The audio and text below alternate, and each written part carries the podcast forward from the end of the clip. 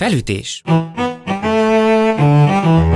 Remek művek és alkotóik a klasszikusok vonzásában. A műsorvezető Molnár Szabolcs.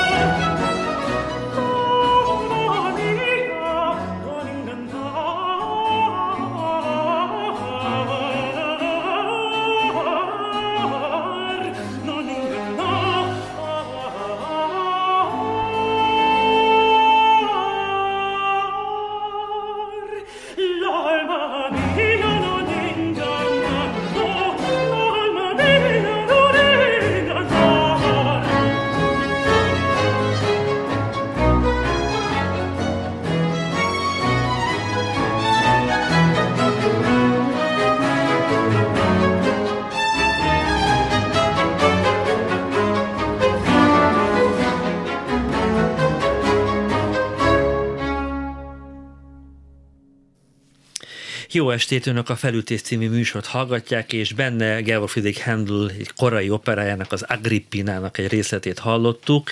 Jakub József Orlinski énekelt, és az Il Pomodoro kísérte őt Maxim Csev vezényletével. És a mai beszélgetésünk apropóját az adja, hogy a közelmúltban megjelent egy könyv, Georg Friedrich Handelről, a híres neves karmester Christopher Hagwood írta, néhány éve hunyt el ez a jeles ameri- angol, főleg historikus előadói praxisban nevet szerzett dirigens, és ez egy 1980, eredetileg az első kiadása 1984-ben jelent meg, majd 2007-ben egy új kiadást is megért ez a kötet, és ez lett a magyar kiadónak a választása, hogy akkor ezt a verziót fordítja le. A vendégem pedig Klembala Géza, karnagy csembaloművész a Magyar Hendul Társaságnak a tagja, tanár kollega is egyben. Vele fogunk beszélgetni Hendulról, a könyv az kiinduló pontja lesz a beszélgetésünknek, én majd azért igyekszem kiválasztani olyan, olyan témákat, ami a könyvben található felvetésekhez kapcsolódik. Elsőként talán azzal kezdeném, hogy akinek kezébe akad ez a könyv a, a, a közeljövőben, annak praktikus tanácsként lehet, hogy érdemes a végéről kezdeni. Tehát, hogy a Hendül utókora és a mi történt 1985 után a Hendül kutatásban, ez egy önálló fejezetet kap a, a szövegben, ennyiben a 2007-es kiadásnak ez az újdonsága, és amikor olvastam ezt a szöveget, akkor nekem nagyon nagy meglepődést okozott az, hogy Ugye 1985-ben ugyanúgy, ahogy Bachnak, Hendelnek is kerek évfordulója volt, ugye születésének a 300. évfordulója, és ezek a kerek dátumok azok általában mindig lendületet szoktak adni egyes zeneszerző újrafelfedezése, vagy a zeneszerzővel kapcsolatos diskurzusnak a felélénkülése szempontjából. És hát én, én nagyjából akkor eszméltem zeneileg, tehát akkor kezdtem kicsikét tudatosabban hallgatni klasszikus zenét, és nekem emiatt nincs is képem arról, hogy milyen volt Hendul helyzete 85 előtt, hanem én már tulajdonképpen belenőttem abba, hogy a, ez a megélénkülő diskurzus. És nekem nagyon meglepő volt, hogy milyen sok minden történt Hendul halála után 300 évvel a Hendul kutatásban. És akkor mindjárt át is adom Géza neked a szót, hogy és ehhez képes volt meglepő olvasni azt a Hendül utóélete fejezetben, hogy Hendül hagyatéka az tulajdonképpen a halála pillanatában az egy helyre került, a jelentős hagyaték, a hagyatékának egy jelentős része, aztán az kézen közön elkerült a királyi családhoz, aki pedig elhelyezték, ha jól emlékszem, a British Múzeumnak a megfelelő kézirat hagyatékában. Tehát ezzel csak azt akarom mondani, hogy Handel talán az első olyan zeneszerző, aki gondoskodott arról, hogy halála után mi legyen a hagyatékával. Tehát ilyen értelemben könnyű volt kutatni, és könnyű volt föntartani az emlékezetét. Nem kellett annyit gürcölni a források összegyűjtésével, mint más szerzők esetében. És ehhez képes nekem fura, hogy halála után, születése után 300 évvel még mennyi új forrás, mennyi új dokumentum, mennyi új szempont került elő az életművel kapcsolatban. Amit mondasz, az, azt annyival egészíteném ki, hogy, hogy Handel halála pillanatában már elkezdődött az ő hagyatékának a feldolgozása, sőt, soha nem is történt meg az, ami Bachal történt, hogy, hogy mint Lipcsei Kántor, hát sokáig nem játszották a műveit, mert akkor csak kortás műveket játszottak Lipcsében, és máshol is. Handel műveit, és nem csak a messiást, hanem az oratóriumokat, de a messiást különösen folyamatosan játszották Angliában. Az a kultusz, talán mondhatom ezt a szót, amit Handel életében mm, kiérdemelt, vagy megteremtett maga körül, ez folytatódott. Annyira, annyiban tört csak meg, hogy Handel elhunyt, és már nem ő vezényelte, hiszen már az utolsó éveiben sem ő vezényelte az oratóriumokat, mert hiszen elvesztette a látását. És, de ez, a, ez, a, ez egy nagyon érdekes angol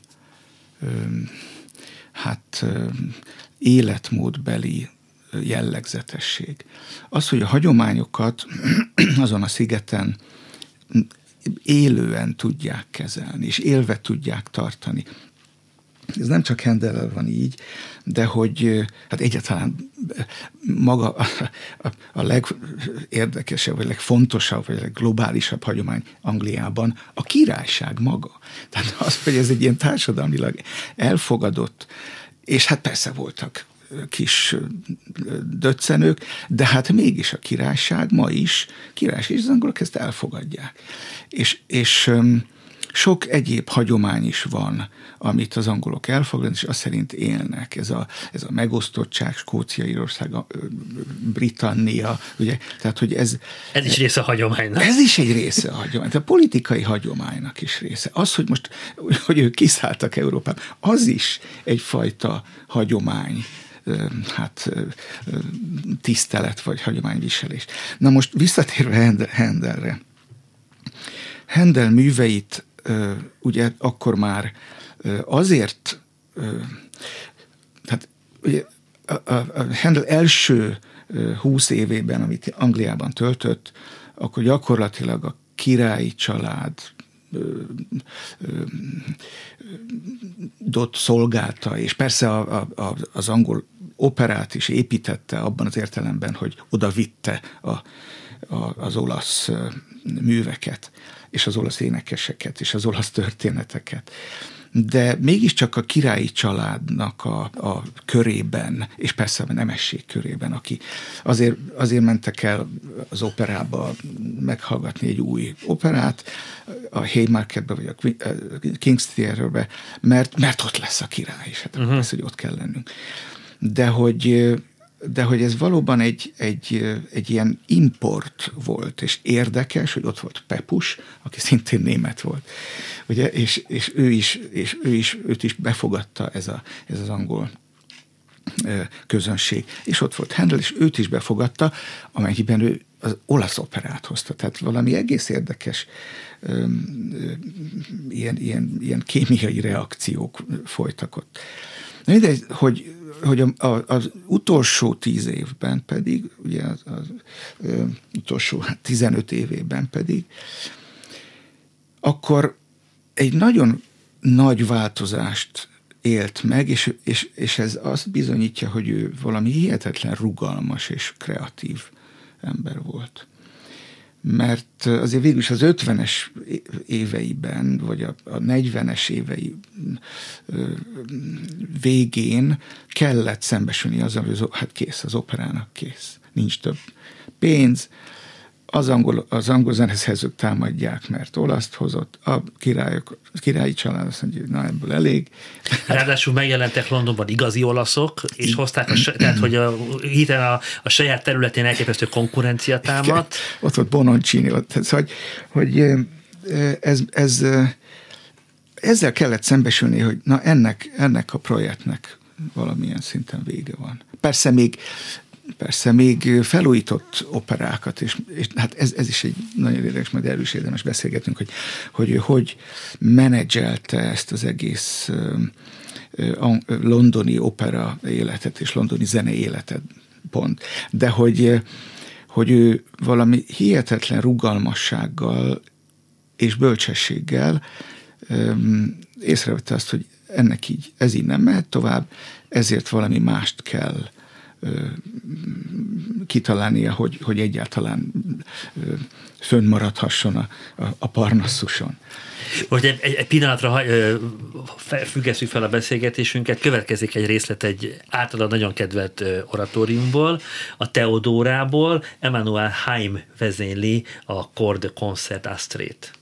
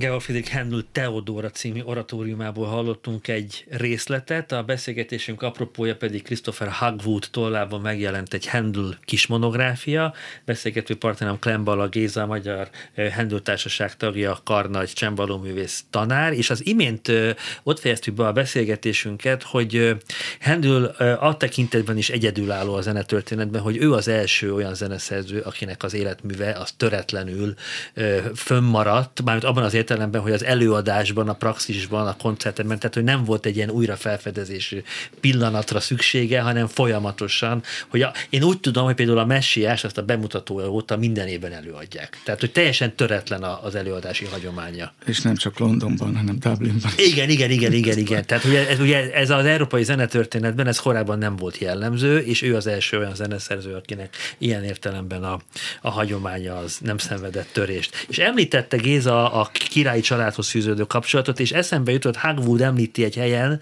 a, a kötetben, hogy a halála után olyasfajta kultusz alakult ki Hendel körül, tehát a halála utáni évtizedekben, hogy a 18. század második felének nagy angol zenetörszínésze, a Charles Burney-nek egyébként a személyes vélemény az megvolt a Hendülről, de nem merte beleírni abba a könyvbe, mert félt attól, hogy a királyi család rosszallását fogja kivívni. Tehát, hogy, hogy már már tulajdonképpen tabunak számított Hendül halála után néhány évvel Hendülről rosszat gondolni.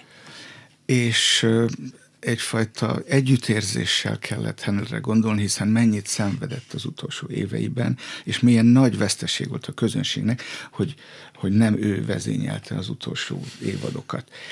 De, de hadd térjek vissza egy, egy, uh-huh. egy mhm. mondat erejéig még, de e, ez, ez is fontos, amit most beszélünk, és erről mindenképpen ugyancsak beszélünk kell, de, de arra mindenképpen szeretnék visszatérni, ami talán, hát ami egyébként nincs benne a Hagwood könyvben, egy olyan szempont, amely mm, talán egy kicsit magyarázza, vagy kiteljesíti azt a magyarázatot, amiért, amit megpróbálunk megtalálni, hogy, hogy Handel, hát miért egyszer csak befejez az operákat, és miért kezdett oratóriumokat írni. Az egyik oka az, hogy ugye a királyi család támogatása megcsappant, a, és, és hát az angol kortás szerzők acsarkodtak a, az angol opera megteremtésére és sikerére. Ez, ez csak az A egy-kettő ok, de volt egy, egy B ok, amely amelynek megfelelően Handel megpróbálta, megpróbált fönnmaradni ezen bizonyos Parnassuson, és ez úgy történt, hogy ezekkel az oratóriumokkal ő már nem a, az importált olasz hangokat, ráadásul olaszul hallatta a színházában, hanem egyrészt sok, sokáig még olasz hangokat, de már angolul, mert hiszen az a műfaj, amit ő sokan azt mondják, hogy ő teremtette meg, ez nem egészen igaz. Az oratórium műfaj az, az elterjedt volt Európában, de az, az oratórium az ő számára egyfajta ö,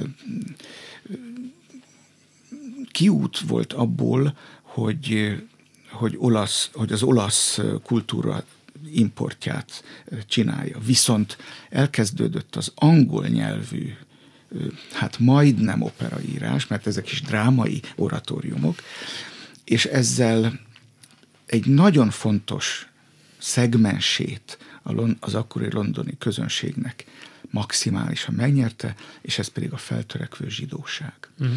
Ne felejtsük el, hogy a zsidóság 1753-ban, tehát még Handel életében kapott parlament által ratifikált teljes jogú alatvaló alatvalói státuszt. Igaz, hogy ezt így évvel később aztán eltörölték, de mégis foglalkoztak ezzel. Tehát a, a zsidóságot már nem lehetett megkerülni, ott volt, sőt, pénz, pénz is ott volt, ahol a zsidóságban ezt, ezt tudjuk, akkor, akkoriban mindenképpen, hiszen hiszen a kereskedelemben, a bankokban, a, a, az egyéb tevékenységben ők, ők nagyon is ott voltak, és a kultúrában is ott voltak. Most ez nagyon fontos, hogy, hogy ez a 18. századi zsidóság már kilép a gettóból. És ez a 18. századi zsidóság már, már hát megrendeléseket ad a keresztény zeneszerzőknek, hogy írjanak zsidó tárgyú darabokat, ez, ez Hollandiában történt. De de Handel is észrevette, hogy hát ők, ők érdeklődnek, hogy milyen, hát ez óriási, hogy akkor Eszterről, mm. és Salamonról, és, és Judás Makabeusról, és, és hát fontos zsidó történeteket tudott bemutatni, és ezt nagy mértékben támogatta az akkori zsidóság. Mindenképpen beszéljünk akkor majd erre az ótestamentumi tematikáról, mert ezzel kapcsolatban én olvastam régebben egy izgalmas könyvet, és egyébként Hagwood is utal az utószóban arról, arra, hogy, hogy például az oratóriumokkal kapcsolatos új diskurzusban az jelentett egy izgalmas szempontot, hogy elkezdték vizsgálni azt, hogy ezeknek az oratóriumoknak, maguknak a történeteknek milyen a kapcsolódása a korabeli, mondjuk az, hogy morálfilozófiai kérdésekhez, a korabeli közeli napi politikai kérdésekhez, és ezekben a ótestamentumi történetekben azért nagyon könnyű mindig felfedezni valamilyen aktuális, példázatszerű, a jelenkornak címzett üzenetet. Egy bizonyos Ruth Smith nevezetű hölgy írt erről egy nagy, nagy könyvet, utal is rá Hogwood, én, én, én két, két kedve olvastam annak idének a könyvnek bizonyos passzusait, de néhány passzusa meg rendkívül uh, inspiráló volt, hogy uh, hogyan lavírozott Handel a kor uh,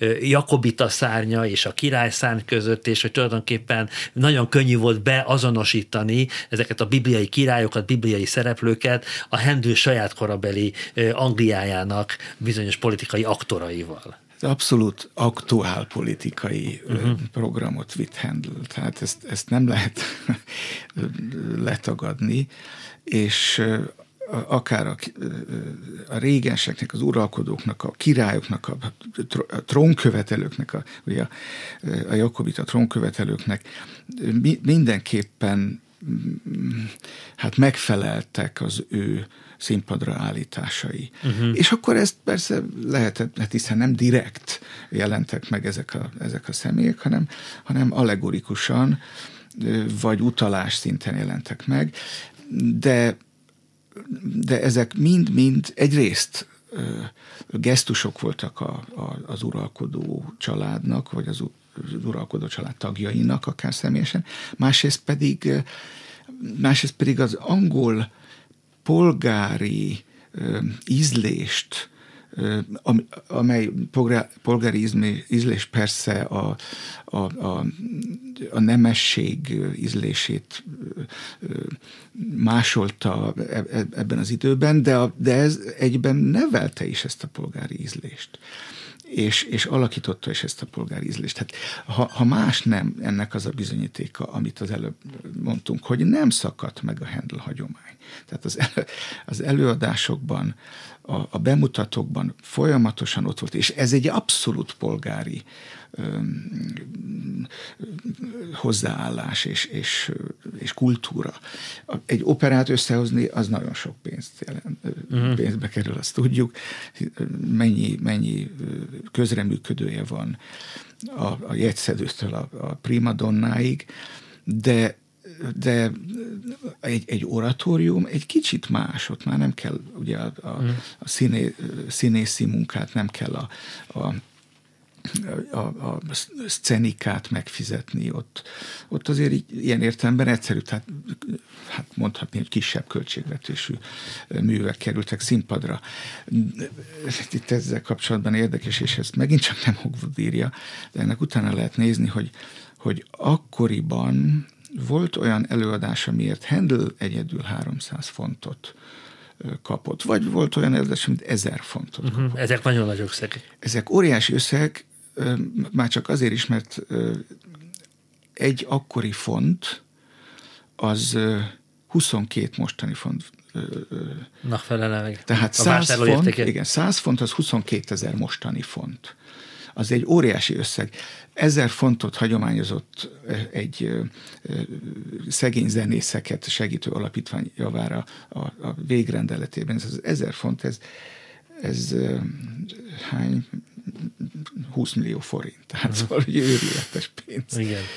Innen folytassuk akkor a beszélgetésünket, és akkor következik egy olyan oratóriumból egy részlet, ami valóban Ótestamentum, és valóban azon belül is a, a zsidó történelemhez kapcsolódik.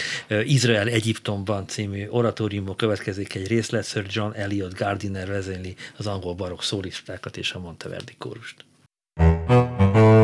Felütés. A műsorvezető Molnár Szabolcs.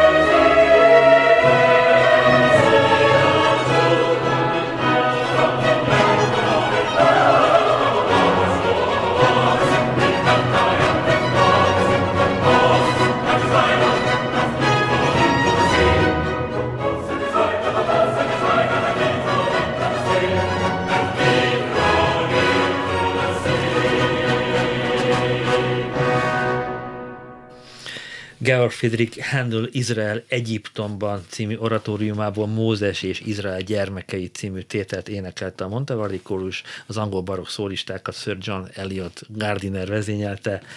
Christopher Hagwood Handel könyve ürügyén apropóján beszélgettünk Lembala Gézával eh, Handelről. Eh, az imént szó volt az oratóriumokról. Én említettem még a beszélgetésünk elején, hogy Handel azért eh, segítette az utókort a tekintetben, hogy szépen összegyűjtötte és, és, és rendbe tartotta a zenei hagyatékát, és talán nem ezt a szót használja Hagwood, de én merem használni ezt a szót, hogy tulajdonképpen szellemi tőkeként tekintett erre az anyagra, amit ő élete során megkomponált, illetve összegyűjtött, és hogy ebből ő mindig újra és újra tudott gazdálkodni. Hát éveken keresztül állította színpadra újra és újra az operákat, aztán később az oratóriumokat, kibővítve egy-egy áriával, kihúzva egy tételt, belejátszva egy, egy, egy orgonaversenyt, vagy egy, tehát, tehát, hogy ő ezt valóban sokszínűen tudta kihasználni az ő, az ő valóban tőkéjét. Ez, ez, ez búriázott ebben az időben Londonban, és ez, erről beszéltek az emberek, hogy, hogy hát igen, és akkor, a, és akkor Mr. Handel az játszott még egy zongora, vagy, vagy egy orgona versenyt is a, a, a szünetben. De például arról tudunk valamit, hogyha mondjuk egy áriát Handel három különböző operában is elsütött, hogy egy, egy, egy korabeli néző arra emlékezett, hogy hoppá, ez egy, ez egy másik operában már szerepelt, hogy itt a Handelnek nem volt ötlete, vagy miért nyújt vissza. És ugye azt is tudjuk, hogy az Itáliában komponált darabokból rengeteg mindent felhasznált aztán az Angliában komponált darabokban. Zavarba ejtő, az, hogy mennyit kölcsönöz önmagától. Ennél már csak egy zavarba ejtő van, amikor másoktól kölcsönöz, erről is majd szerintem érdemes lenne beszélni. Tehát ezzel a kölcsönzéssel kapcsolatban nekem az a véleményem, hogy bár igaz, hogy nagyon sok kölcsönzéssel találkozunk Handel művészetében, vagy műveiben, de hát ez a kölcsönzés, ez nem egy új dolog, és még csak nem is ördögtől való. Hogyha arra gondolunk, hogy a, a reneszánszban a parodizálás természetesen a jó értelem és az eredeti értelemben, tehát az utánzás az egy, egy teljesen elfogadott zeneszerzési elv volt. Egész nem csak egy szólamot, tehát nem csak egy cantus firmust Igen. használtak föl a zeneszerzők a műveikben, esetleg egy, ugye a reformáció az nem csak egy világi dalt használt föl egy, egy koráldallamként, vagy egy koráldallamot nem csak a templomban énekeltek, hanem a, még a kocsmában is más szöveggel. Tehát ez, ez, ez a középkor óta egy nagyon élő hát művészeti Hát tulajdonképpen azt szokták mondani, hogy a természetes létmódja hát volt a, lét, a zenének. Igen, igen, hát az, az, hogy egy dallam hányszor előfordult, egy Zsoszken, vagy egy, vagy egy Izák dallam, ami, ami egy világi dallamként kezdte a pályafutását, és akkor bekerült a, a, az evangélikus énekeskönyv. Tehát, hogy, hogy ez, nem, ez nem új Handelnél. A, a, Bach is használta saját műveit. Sőt, és akkor itt a kérdés az, hogyha ha saját műveit használja, vagy átírja mondjuk Bach a, a Vivaldi koncertokat, Igen. akkor az... Vagy egy kantátába belekerül egy, egy hegedű verseny. Egy, egy, az akkor kölcsönzés? Hát nem biztos, hogy kölcsönzés, mert egyébként Handelnél is lehet, hogy, lehet, hogy olyan virágzásba hozza azt az egyébként már talán egy kicsit megkopott ária dallamot, vagy egy, vagy egy koncerto dallamot, amely, amely egy új szint ad, egy új megközelítés, új, új támpontot ad a közönségnek, és akkor lehet, hogy, hogy persze emlékeznek. Ja, igen, ezt, ezt az áriát már énekelte valaki, aki tíz éve. De egyébként a másik meg az, hogy ugye Handel éveken keresztül újította föl ugye a, a, a műveit. Tehát nem, még csak azt lehet mondani, hogy, hogy, hogy ő így eltette egy művet, hogy nehogy valaki emlékezzen, és aztán felújította. Nem, ő, ő, ő éveken belül felhasználta a műveket. De hogy ez nem ördögtől való, hiszen az átdolgozás az, az inspiráló lehet. Ez valószínűleg, igen, a Handel korában ez nem okozott problémát, ez inkább ma okoz problémát, amikor mondjuk elemzünk egy művet, és ugye valamiképpen visszavetítünk egy ilyen 19.-20. századi zenefogalmat, visszavet, meg az, hogy egy zeneszerző hogyan működik, meg mi az, hogy eredetiség, meg hogyan kapcsolódik szövegzenéhez. Ezeket a szempontokat vetítjük vissza, akkor tudunk, ütközhetünk ilyen zavarba ejtő szituációkba, hogy nem egészen úgy működik egy zenei gondolat az adott kontextusban, mint mondjuk száz évvel később. Egyébként érdekes annak is utána nézni, hogy a szellemi termék fogalma, ez éppen az 1700-as években került tárgyalásra. Először csak filozófiai szempontból, aztán egyre inkább gyakorlati, praktikus szempontból is. Sőt, a szellemi terméket ugye a, a, az áru termékhez hasonlóan egyre inkább törvényileg is uh-huh. megvédték. Az 1800-es években teljes mértékben ö, körül volt már járva Angliában ez a, ez a szellemi termék. És, és szerintem ez a hagyomány, hogy, hogy akkor a szellemi terméket meg kell védenünk, és egy dallamot nem lehet más műben felhasználni. Ez az 1800-as években kapott ilyen talán kicsit eltúzott hangsúlyt, mm. és Hát, hát csak arra gondolunk, hogy ez a négy akkord, ami a mai popzenében igen, igen, igen. többször előfordul, hogyha ezer számból talán 980-ban előfordul, hát akkor ez most nem igen. plágium. Igen, nagyon nehéz ezeket a könnyű zenével kapcsolatos, mostanában olyan gyakran lehet ilyen plágium ügyekkel találkozni, igen. hogy, hogy én bíróként nem nagyon tudnám, bíróként és zenetörténészként nem nagyon tudnék igazságot tenni, mert mi a lopás? Hát ez egy, egy közkincs, tehát hogy ez közkézen lévő dolog az, amit mindenki használ. Igen. Igen, és hát Handel nagyon ö, ö, sok változtatással használt műveket. Na most, amit az előbb kérdeztél, ezek bizonyos elemzési szempontok. Igen, ebben az időben ugye a hangnemeknek volt egy bizonyos, hát szinte kultusza, hogy bizonyos hangnemek bizonyos érzésekhez kapcsolódhattak. Hát egy D-dur volt a katonai, a G-dur az egyszerű, a, a, a, a C-dur, az F-dur az az alpári egy kicsit, igen. az S-dur a patetikus, ugye. Az ugye a, arisztokratikusnak is mondják, igen. igen. igen. nem véletlenül a, a, a Beethoven harmadik szimfonia S-durban, meg a patetik szonát S-durban. De hogy, hogy és, és még Schubert, tehát ugye a 19. század első felében is volt ennek jelentősége. Schubert, aki a 19. Igen. századnak a, a zenetudósa, ő még nagyon élénken ír erről. Ha és akkor itt persze fölmerül a kérdés, hogy Hendelnek az egyik évben volt egy énekesnője, aki, aki nagyon szépen elénekelte ezt a, ezt a magas B-t, a másik évben nem volt olyan magas hangja az énekesnőnek, és csak egy gét vagy egy át tudott énekelni, és akkor letranszponálta. Igen. És a zenésznek azt mondta, hogy ában. És akkor úgy játszották, mert persze akkor mindenki blattot is transzponált. De hogy, hogy ilyen affektus, meg ilyen mély elemzés tekintetében valóban nem tudom, hogy belemehetünk-e az ilyen, az ilyen tehát nagyon kell vigyázni, nagyon kell vigyázni, hogy mit, mit, mit, mit magyarázunk bele egy, egy, egy zenei jelenségbe. Azt mondja, hogy az A-dur, az egy, egy ilyen nemességet, és akkor, de közben ez G-durban volt eredetileg. De hát a messiásban is vannak ilyen áriák, ugye, amik át vannak transponálva, egyszerűen csak azért, hogy jobban énekelhető legyen. Az elmúlt évtizedeknek egy sajátos fejleménye az oratóriumokkal kapcsolatban, hogy bizonyos Handel oratóriumokat nyilván arra is alapozva, hogy Handel ezeket egyfajta opera pótléknak tekintette, ami, ami nem teljesen igaz szerintem, minden zárója bezárva, hogy bizonyos oratóriumokat, ahol akár a, a, a, a műnek a cselekménye, akár a, a bizonyos szituációknak a tényleg erősen színpadra utaló drámaisága ezt lehetővé teszi, hogy ezeket színpadra állítják.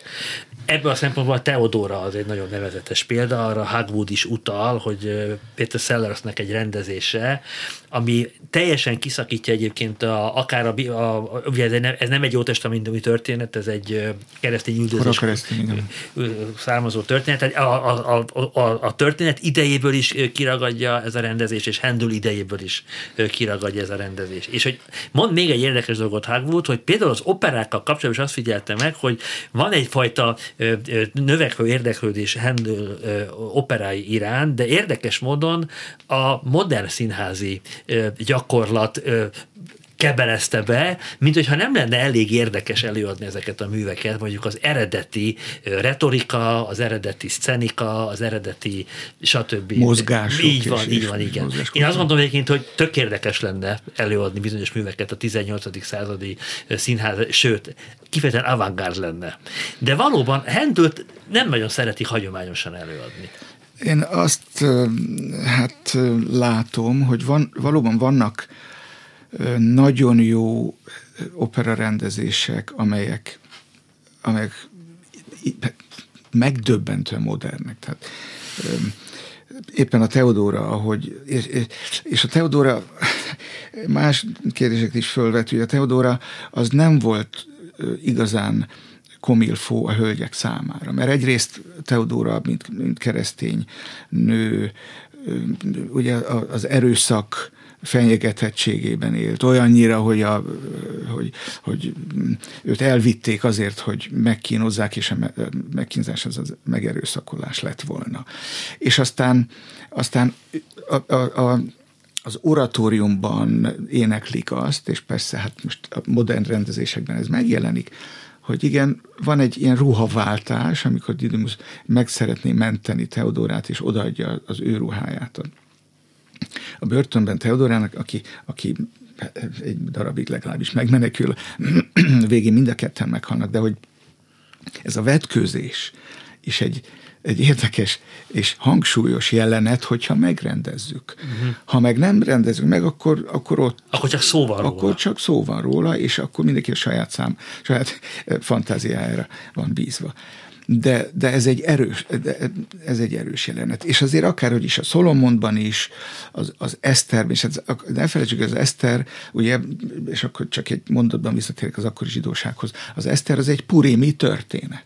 Az egy fontos zsidó farsang történet, amit egyébként a gyerekeknek is mesélnek, nem igazán, hogy is mondjam, tehát kicsit meg, megfinomítva a történet szálait, de, de Eszter is, hát egy, egy ő neki be kellett vállalni azt, hogy a, hogy a király felesége lesz, azért, hogy, hogy megmentse a, a népét. Tehát ő, ezek nem, ezek nem igazán gyerekmesék. És hogyha ha, ha operaként rendezzük meg, akkor, akkor Hát a kérdés az, hogy mit nyerünk és mit vesztünk. Igen, igen. Amikor a zene szólt, ezt, erről beszéltünk, hogy talán megnyerjük azt, hogy, hogy, hogy, hogy, a, hogy a közönség látja is a cselekményt. És lehet, hogy akár erős ö, dolgokat is lát viszont elveszítjük azt a figyelmet, ami a zenét, ami egyéb, amit egyébként a zenére tudunk összpontosítani, nem így van? De, de, de igen, mert hát ugye a, a, a, a kórusok tulajdonképpen a, a, a magjai. Igen. És azért a, a, a kóruszámokat nem könnyű érvényes módon szenírozni. Igen. Tehát, hogy ki kell találni, hogy akkor az a sok ember mit csinál ott a színpadon. Igen, akkor egy politikus beszél, és akkor a, igen. ugye a, most nem is tudom, melyik operában, talán éppen, ja de igen, hát a Teodórában. Ugye a Teodor egy, egy modern rendezőben úgy kezdődik, hogy egy politikus beszél, és a, a, a, a hívei ott tapsikolnak, és, és hát visszhangozzák az ő szavait. Hát, igen, ugyanezt az ötletet játsz el a Giulio Cesáriban is igen, a Peter Sellers, hogy a mai közel-keletre helyezi a történetet, igen, és a Julius Caesar az nem más, mint az amerikai elnök, aki megérkezik Egyiptomba, és igen. akkor ott a, az araboknak ott beszédet mond, és akkor néhány arab között vannak ilyen fura palesztin öltözetű férfiak is, tehát hogy, a, hogy abszolút a mai, tehát vagy a 20. század végi közel-keleti konfliktus mezőbe helyezve a történet, az, aztán hol működik, hol nem. Tehát ezekkel Persze. a modernizásokkal mindig az a probléma, hogy ugyanakkor mégiscsak azt a szöveget éneklik, Igen. amit Handel idején. Pláne régi hangszerekkel játszák. Igen. Tehát, tehát fa oboákkal, vagy hát eredeti kópia oboákkal és, és bélhúrokkal a hegedűk. Tehát, tehát mindenben, ahogy az előbb mondtál, vagy föltetted ezt a kicsit, mindenben autentikusak vagyunk, csak az, elő, a, csak az előadásban nem. Egyébként nem vagyunk mindenben autentikusak, mert, mert hiszen kasztrátóink nincsenek, Igen. hál' Istennek. Tenor, kontratenorjaink vannak, és, és hát mint a Jaruszki, akit meg kell említeni Handel ügyben, ő, ő csodálatos szoprán hang férfi létére, és, de hát az, az is egy kérdés, hogy ugye Handel változtatta a szereplőit az altról a basszusnak adta a, a, a, a szerepet, vagy a basszusnakból az altnak, vagy a, a, a szoprán kasztrátó énekelte a tenor szerep, és a többi. Tehát, hogy, hogy ez egy nagyon flexibilis műfaj volt. Sokkal flexibilisebb, mint, mint ahogy ma azt gondoljuk, hogy na ezt, ezt így kell játszani. Hát lehet ezt változtatni. Ha már szóba hoztad a, a historizmus, hogy tulajdonképpen Christopher Hagwood könyvének a módszertanában van egy érdekes historizmus, hogy szinte kizárólag Handel korabeli forrásokat idéz. Tehát, hogy a, a könyvnek úgymond a hivatkozása az a mi hogyan láttuk kortársunkat Handelt, illetve hogy Handel hogyan látta a, a, a saját könyvét környezetét. Tehát szekunder irodalomra való utalás gyakorlatilag nincs a könyvben. Hát egy ilyen nagyon sajátos élményt ad egyébként ennek a szövegnek a, az olvasása. Neked ezzel kapcsolatban mi volt Igen, nekem, nekem az a benyomásom ezzel kapcsolatban, ez a, ez a Hagwood könyv, ez olyan, mintha egy önéletrajzot írna Hagwood, csak egyes szám harmadik személyben. Tehát, mintha Handel szavait, vagy élményeit írná Tehát, le.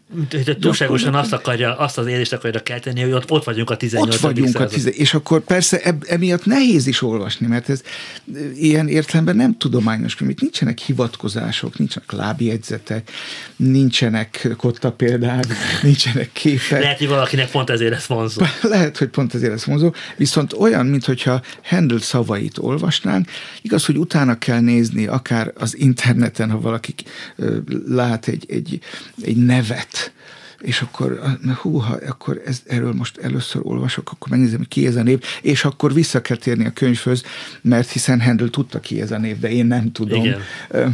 Tehát egy nagyon érdekes viszony van ebben a könyvben, így, így Handel és a, és a korral, jó, hát meg, én megjegyezném azt, hogy igen, a, a, a, a eredeti forrásoknak a nyelvezete, de ez biztos egy kiadói koncepció volt, az eredeti forrásoknak a nyelvezete is modern, modern. magyar.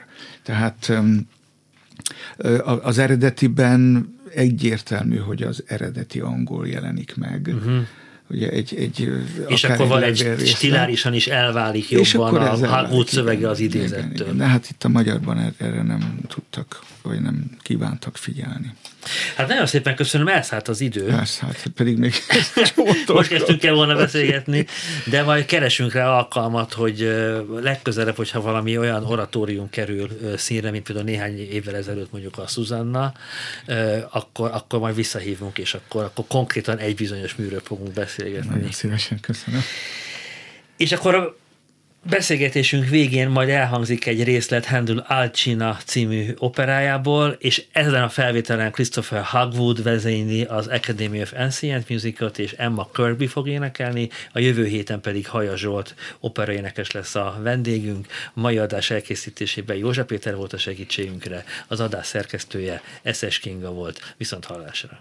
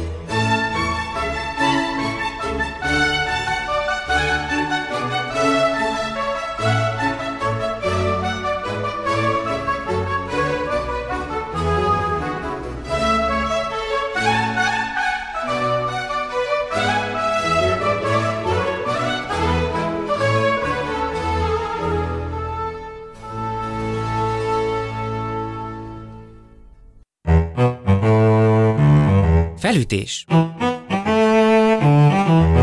Remek művek és alkotóik a klasszikusok vonzásában. Molnár Szabolcs műsorát hallották.